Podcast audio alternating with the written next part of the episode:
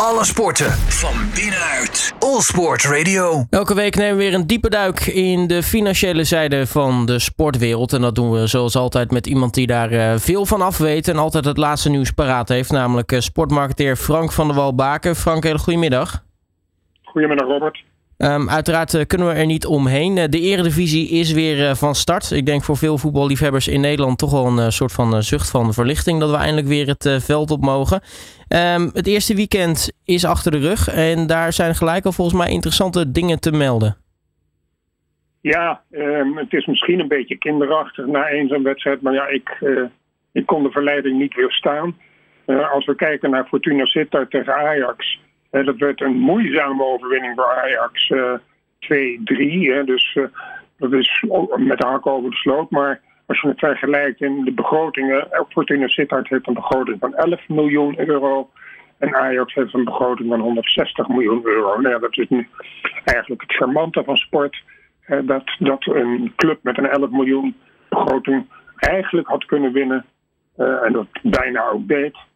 Eh, van een club met 160 miljoen. Ook wel pikant is dat RKC met een begroting van 8 miljoen speelde tegen FC Utrecht gelijk, 2-2. Terwijl FC Utrecht een begroting heeft van 25 miljoen. Dat is ja, dus ongeveer of ruim drie keer zoveel. Hetzelfde geldt in deze voor FC Groningen tegen Volendam. Er werd ook een 2-2 gelijkspel. FC Groningen met een begroting van 25 miljoen. Hetzelfde als FC Utrecht tegen Volendam met een begroting van 9,5 miljoen. Nou, dat zijn toch weer leuke cijfers. En dat geeft aan dat geld heel belangrijk is in de sport. Uh, en zeker uh, kan je dat verwachten uit mijn mond. Maar uh, dat het gelukkig niet alles bepalend is. want Ajax kan zomaar verliezen van Fortuna Sittard. Ja, zo zie je maar dat inderdaad geld dan niet het belangrijkste is. dan verhuizen van de Eredivisie naar de Serie A, Frank. want Inter die heeft pas geleden met veel trammeland een nieuwe shirtsponsor gepresenteerd. Maar er is eigenlijk al gelijk een beetje gezeik rondom die shirtsponsor. Ja, dat kan je wel zeggen. Want het was inderdaad met heel veel tromgeroffel werd uh, het cryptobedrijf Digital Bits gepresenteerd. Uh, voor 85 miljoen hadden ze een contract getekend. Nou, uh, dat is in het zomerseizoen, wat nu nog gaande is in Italië, bekendgemaakt. Ze hebben al twee oefenwedstrijden gespeeld met het, op het shirt inderdaad Digital Bits. Uh, maar uh, in het contract stond kennelijk dat voordat ze zouden gaan beginnen te spelen, er een overmaking zou plaats moeten vinden. Maar die overmaking heeft niet plaatsgevonden. Waardoor Inter nu uh, op het punt staat om de naam onmiddellijk weer van het shirt te halen. Um, want het schijnt niet goed te gaan met het cryptobedrijf. Nou, waar hebben we dat eerder gehoord, Robert? Die cryptobedrijven, ik vind het toch maar een wankele situatie en je ziet dat ze de sport hebben ontdekt, en zeker het voetbal natuurlijk, om maximale exposure te genereren. Uh, dat begrijp ik, maar um, het zijn toch wankele situaties. En ik zou, als ik een club was, of überhaupt in de sport, en dan zou een cryptobedrijf met mij willen praten over sponsoring, zou ik toch wel heel zorgvuldig allerlei bankgaranties eisen voordat ik überhaupt met ze in zee ga. Nou, nu is uh, Inter niet uh, de enige club die wat uh, nou, heeft met de shirt sponsor. Want ook Manchester United heeft dat. want het contract wat ze hadden met Teamviewer, dat schijnt een beetje ter discussie te staan. Ja, het, loopt nu een jaar. Ze hebben het eerste jaar afgelopen seizoen dus gespeeld met Teamviewer op, op de borst. dat is een contract dat is gesloten tot 2026. Het deal voor 47,5 miljoen pond per jaar met het softwarebedrijf. Maar dat staat onder druk omdat de beurskoers van het bedrijf zwaar is gezakt. Um, uh, TeamViewer heeft nu al bekendgemaakt dat ze het contract na 2026 uh, niet zullen verlengen. Nou, um, als ik een contract zou hebben tot 2026, zou ik nu nog niet gaan praten over verlengen of opzeggen. Want hoe je het ook bent of keert, opzeggen leidt hoe dan ook tot een minder prettig klimaat. Om het maar eventjes op een zachte manier uit te drukken in de ruim drie jaar die je nog te gaan hebt. Dus ik vind dat een, eh, eh, enigszins merkwaardig uh, ja, besluit van Team Viewer om dat nu al bekend te maken. Ze dat misschien wel uh, ja, binnen kamers bekend kunnen maken, maar om dit naar buiten te gooien in een persbericht vind ik zeer onverstandig. Dan FC Barcelona. Um, ja, men zegt wel eens een kat in het nauw maakt rare sprongen. Hebben natuurlijk een miljard schuld. zijn ongeveer de ziel van de club aan het verkopen om maar wat extra centjes te verdienen om die schuld af te betalen. Gaan dan gekke transfers doen. Behandelen sterspelers heel naar. En gaan nu ook nog eens een keer een rechtszaak beginnen tegen Neymar. Ja, negen jaar al na zijn transfer van Santos naar FC Barcelona moet uh, Neymar nu voor de rechter verschijnen. Want Barcelona heeft hem daar gedaagd. De Braziliaan wordt ervan beschuldigd fraude en corruptie te hebben gepleegd. Althans, of hij dat zelf heeft gepleegd is natuurlijk altijd maar de vraag. Want spelers van dit soort kaliber hebben allerlei management om zich heen. Maar hoe dan ook.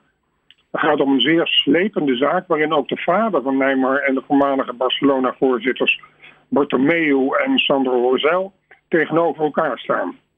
Uh, de zaak uh, kwam in 2013 aan het rollen nadat er een klacht was uh, gekomen van de investeringsmaatschappij DIS. Die schijnt daar een rol te hebben gespeeld in de financiering van het geheel. deze maatschappij DIS had recht op 40% maar liefst van de transfersom. Die werd overgemaakt naar Santos. Maar wat blijkt nou? In de praktijk kreeg die investeringsmaatschappij een lager aandeel, omdat de gecommuniceerde transfersom van 57 miljoen, eh, waarvan 17 miljoen naar Santos ging en 40 miljoen naar de familie Nijmer, lag lager dan de daadwerkelijke prijs. Dus er is gesjoemeld met de berichtgeving over de transfersom. En volgens dat, die maatschappij DIS hebben de partijen samengespannen om de echte transfersom te verbergen. Nou ja, Spaanse aanklagers kwamen tot de conclusie dat Barcelona zeker 83 miljoen euro heeft betaald aan Santos voor Neymar. Dus er is toch wel daar een, een aanzienlijk verschil. Uh, de zaak dient in de tweede helft van oktober, dus dat is al gauw. Nou, alsof Barcelona al niets genoeg aan zijn hoofd heeft, krijgen ze dit er dus ook nog bij. En dat plaatst de club in zijn totaliteit toch niet in een al te goed daglicht. Dus ik vind dat uh, toch wel ja, A, heel erg jammer. Het is een prachtige club, want ze krijgen het bovenop alle andere ellende. Want er komt maar geen einde aan die uitverkoop van uh, de Barcelona. Want de huidige voorzitter Laporta die stelt alles in het werk om die bijna anderhalf miljard schuld die ze hebben weg te werken. En nog even los van het feit dat ze natuurlijk enorme rentes moeten betalen aan Goldman Sachs. Die die uh, financiering heeft bewerkstelligd van die anderhalf miljard. Maar het gaat, die meneer Laporta gaat in mijn ogen althans wel heel erg opportunistisch te werk. Want hij verkocht inmiddels ruim 25% van de mediarechten voor de komende 25 jaar. Voor ruim een half miljard. Hij verkocht 49% van de merchandisingrechten voor ruim 100 miljoen. En nu verkocht hij ook nog eens 24,5% van Barca Studios voor 100 miljoen. Nou, dat zijn allemaal grote bedragen, maar daar ben je nog lang niet. En bovendien verkoop je dus een heel belangrijk deel van je toekomstige inkomsten. Dus uh, de hele toekomst, het lange termijnbeleid van Barcelona, komt op de wip te staan, in mijn ogen althans. Want dat Barca Studios bijvoorbeeld, dat genereert nu nog niet echt veel cash, maar het is wel iets voor de toekomst. Want dat biedt veel mogelijkheden met de nieuwe ontwikkelingen in de sport, waarin data hoe langer belangrijker worden. En dat Barca Studios wordt opgericht om die data te gaan verkopen. Nou, daar is dus nu al 24,5% van die studio's is alweer verkocht. Hoe ook, de acties van uh, voorzitter Laporta die lijken dus allemaal vooral op korte termijn gewin te zijn. Uh, maar op de lange termijn zal de club te maken krijgen met heel veel kapiteins op, op één schip.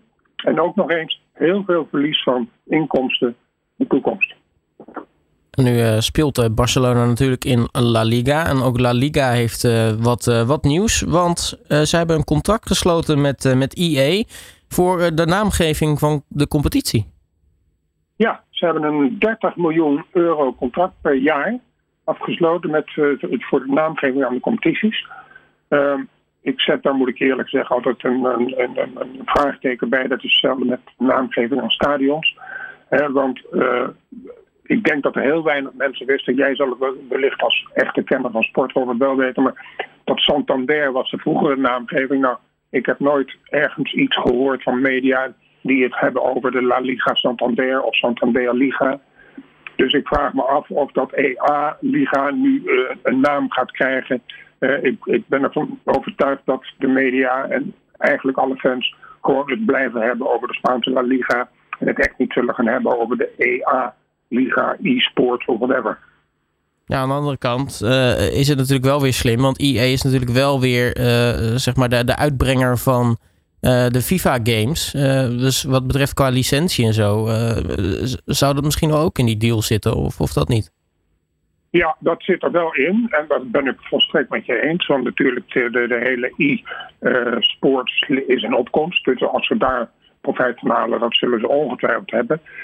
maar om nou die naamgeving daar heb ik mijn twijfels over. Nog even terugkomend ook op Barcelona. Hè. Ze hebben die nieuwe sponsordeal met Spotify. Nou, die deal begrijp ik. Om op het shirt te staan van Barcelona is heel veel waard. En bovendien zal in de deal ongetwijfeld zitten de, de playerslist van alle spelers. Nou, daar kan Spotify natuurlijk heel veel mee doen. Maar ze hebben ook de naamgeving van het stadion gekocht. Nou, je maakt mij niet wijs dat heel Spanje nu opeens Spotify Nou Kamp gaat roepen. Dat stadion heet Nou Kamp. End of story. Ja, Frank, eh, het, finale van het EK eh, e Vrouwen is uh, inmiddels alweer een, een klein poosje geleden. Um, tijd ook weer voor de eerste resultaten daar, want volgens mij de cijfers geven toch aan dat het een, een, redelijk, succes was. Ja, het was een groot succes. Ehm, de, de, de Engeland-Duitsland finale was natuurlijk een soort droomfinale voor Duitsland. Ehm, maar die werd door de BBC uitgezonden. En die werd door 23,3 miljoen mensen bekeken. Een absoluut record. Het toernooi trok 575.000 bezoekers, waarvan 87.000 naar de finale. In 2017, toen het in een EK in Nederland plaatsvond, bezochten 240.000 het EK. Is nu dus ruim twee keer zoveel. Het, geeft dus, het illustreert de groei van het vrouwenvoetbal. Ehm, er is afgelopen week ook een ware stormloop van Britse sponsors op de speelsters Engelse nationale ploeg ontstaan. En de clubsalaris van de individuele speelsters nu gemiddeld ongeveer 35.000 pond. Zullen ongetwijfeld meer dan verdubbeld worden. Als ze al niet eh, worden weggekocht door Europese grootmachten. Ja, ten slotte natuurlijk wat belangrijk is of interessant is voor ons. En onze, tussen aanhalingstekens Sarina. Uh, nu goed voor een kleine half miljoen wat ze in Engeland betaald krijgen zal naast de 2 ton bonus die ze kreeg voor het winnen van het EK, natuurlijk haar salaris ook aanzienlijk zien stijgen. Dan golf. Uh, de saga tussen de PGA en de, de LIV Golf Tour, eh, die blijft toch uh, vrolijk verder gaan. Amerika versus Saudi-Arabië. ja, het modder gooien, dat gaat onverminderd verder. Ja, het is natuurlijk een gevecht. En dat gevecht heeft, dat zul je begrijpen, alles weer te maken met geld. We hebben het de laatste tijd regelmatig gehad over de door Saudi-Arabië geïnitieerde en gefinancierde LIV Golf Tour. Een prijzengeld van 405 miljoen eh, eh, voor de spelers. dat lokt natuurlijk die spelers, want het is een aanzienlijk bedrag. Nou, de PGA, de Professional Golf Association, een soort vakbond dus, uh, die heeft daar veel tegen geproduceerd en heeft zelfs gedreigd om spelers uit te sluiten van de PGA Tour. En wat is nu belangrijk voor de PGA Tour? Want daar wordt de world ranking, hè, dus de ranking van de spelers, bepaald. En als de PGA besluit dat in de lift tour geen punten kunnen worden verdiend voor de, voor de Tour, ja, dan heb je een probleem. Nou, dat zo'n Rebel Tour, om dat maar even zo te noemen, toch goed werkt, blijkt wel uit het feit dat de PGA Tour nu opeens toch heeft, ja, een soort bakzeil heeft gemaakt. En dat het met een prijs en geld uh, verhoging gaat komen in de Tour uh, zelfs hoger dan in de lift tour, namelijk naar 428 miljoen eh, dollar per jaar. Dat is weliswaar voor meer teams. En er is nog, ook toch altijd nog een, een, een essentieel verschil. Want de lift tour, uh, die minder toernooien nou dan de PGA tour, maar die ook nog eens extra inkomsten biedt aan de spelers, omdat zij mede-eigenaar kunnen worden van een team dat weer zwaar gesponsord gaat worden in die lift tour. Uh, dus uh, de, de, de, opzet van die Lipto is dat er ook teams tegen elkaar spelen, niet individuele teams tegen elkaar. En die, die teams die krijgen dan allemaal een naam, noem het maar net zoals met voetbalteams. En die krijgen dus allemaal individuele sponsors. Hoe ze dat dan gaan oplossen met overal sponsors, dat is nou allemaal nog een groot vraagteken. Maar het lijkt mij namelijk hoe dan ook niet waarschijnlijk dat de Saudis zich uh, direct neerleggen bij deze manoeuvre van de PGA. Want ik denk toch dat de Saudis uiteindelijk een, een, een, diepere pot met geld hebben dan de PGA. Dus het wordt vervolgd. Overigens is het wel weer enigszins in vergelijking ook met wat er met tennis is gebeurd. We hebben afgelopen Wimbledon hebben we gezien dat de grote sterren er toch aanwezig waren natuurlijk. Want het magische Wimbledon wil geen enkele tennisser missen. Maar er werden in Wimbledon geen punten verdiend omdat de uh, Internationale Tennisfederatie en de, de ATP en de WTA, dat zijn de vakbonden van de mannen en de vrouwen, uh, uh, niet toestonden dat andere Engelse toernooien ook de spelers die niet toelieten, die zich niet hadden laten inenten tegen COVID. Dus allerlei sporten weer met rellen over geld uiteindelijk. En ik ben benieuwd hoe het toch gaat aflopen. Het is in ieder geval zoiets dat wordt vervolgd. En dan uh, verhuizen we over de plas naar Amerika. Want uh, de NFL, daar hangt toch een gemiddeld prijskaartje aan een franchise van maar liefst 4 miljard dollar. Ja, het is toch wel weer even om aan te tonen dat de, het national football toch in Amerika de grootste sport is. Want de nieuwe analyse van die NFL-markt geeft aan dat de gemiddelde waarde van een franchise-club, ik benadruk gemiddelde waarde, nu 4,14 miljard bedraagt. En dat is een stijging van 18% ten opzichte van vorig jaar.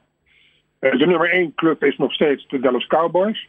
Die vertegenwoordigen nu een waarde van 7,6 miljard dollar. Dat is nogal wat. Uh, en om even aan te geven hoe dat zich verhoudt tot die andere topsport in de Verenigde Staten, het baseball, het honkbal, daar is 630 miljoen is de waarde, of de, de, waarde van de nummer 1 club in het NFL is 630 miljoen meer nummer 1 in het honkbal. En dat zijn de New York Yankees. Um, in totaal is de NFL, dat zijn 32 teams, nu 132 miljard waard. Nou, wie durft nog te beweren dat sport geen big business is?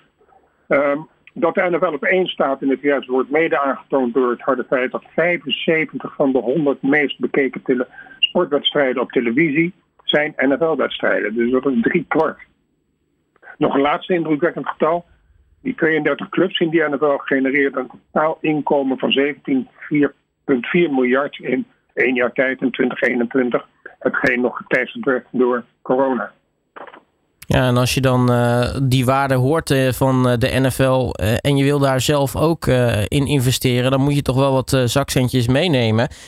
maar Lewis Hamilton, die heeft genoeg centjes daarvoor. Ja, we spraken vorige week over LeBron James, hè, de basketballer, die op eenzame hoogte bijna staat, die voor enkele tientallen miljoenen heeft geïnvesteerd in fietsenfabrikanten Canyon en Cannondale. en nu kunnen we de uitspraak van die vorige week dat dit vaker zal gaan gebeuren al onderbouwen, want niemand minder dan Lewis Hamilton heeft een minderheidsbelang, wel voor ettelijke miljoenen overigens, genomen in de recentelijk door de Walton Penner family overgenomen NFL-franchise, de Denver Broncos. De familie betaalde in juni voor die club 4,6 miljard voor die franchise. En Rob Walton, eigenaar van het Walmart Imperium, leidt de club. Uh, overigens ook wat pikant is een andere investeerder in die club, is de voormalige minister van Binnenlandse Zaken Condoleezza Rice. Dus het is een bondgezelschap daar. En dan uh, tot slot, als we dan over Lewis Hamilton gehad hebben, dan ontkom je niet aan wat Formule 1 nieuwtjes, Frank. Ja, Red Bull en Honda hebben hun samenwerking toch nog even verlengd tot 2025. Daarna zou Red Bull overstappen op Porsche-motoren.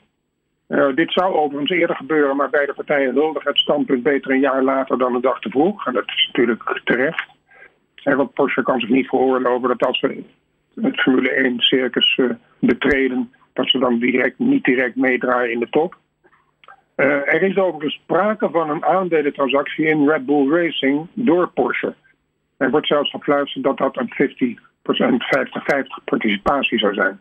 Ik ben benieuwd, want ik vind de 50-50 altijd zeer gevaarlijk. En Red Bull is natuurlijk toch een dominant bedrijf onder leiding van meneer Makashiets. En of die zomaar accepteert dat Porsche 50% van de aandelen zal nemen, durf ik nog even een vraagtekentje bij te zetten. Maar goed, we zullen zien. Verder nog een ander nieuwtje uit de Formule 1. Eh, tot slot, het tweede kwartaal van dit jaar heeft het Formule 1 circus van Liberty Media, want dat is de eigenaar van het Formule 1 circus, geen windrijden gelekt. Het inkomen steeg met maar liefst 50% ten opzichte van het tweede kwartaal vorig jaar. Moeten we natuurlijk wel enigszins rekening houden dat het toen nog COVID was. Maar op alle fronten werd een stijging geregistreerd in de recettes, in de mediarechten, de sponsors en in merchandising. Het totale inkomen kwam op 744 miljoen. En in, het tweede, in dat tweede kwartaal, en de winst kwam uit op 65 miljoen. Dus Liberty Media heeft in de tijd voor de 8 miljard die ze moesten betalen, toch uh, een, een, een, goede koop gestaan, zou ik zeggen. En dat was hem weer voor deze week, Frank. Mag ik je weer hartelijk danken voor je tijd en spreek je natuurlijk volgende week weer. Tot volgende week, Robert. Alle sporten van binnenuit. All Sport Radio.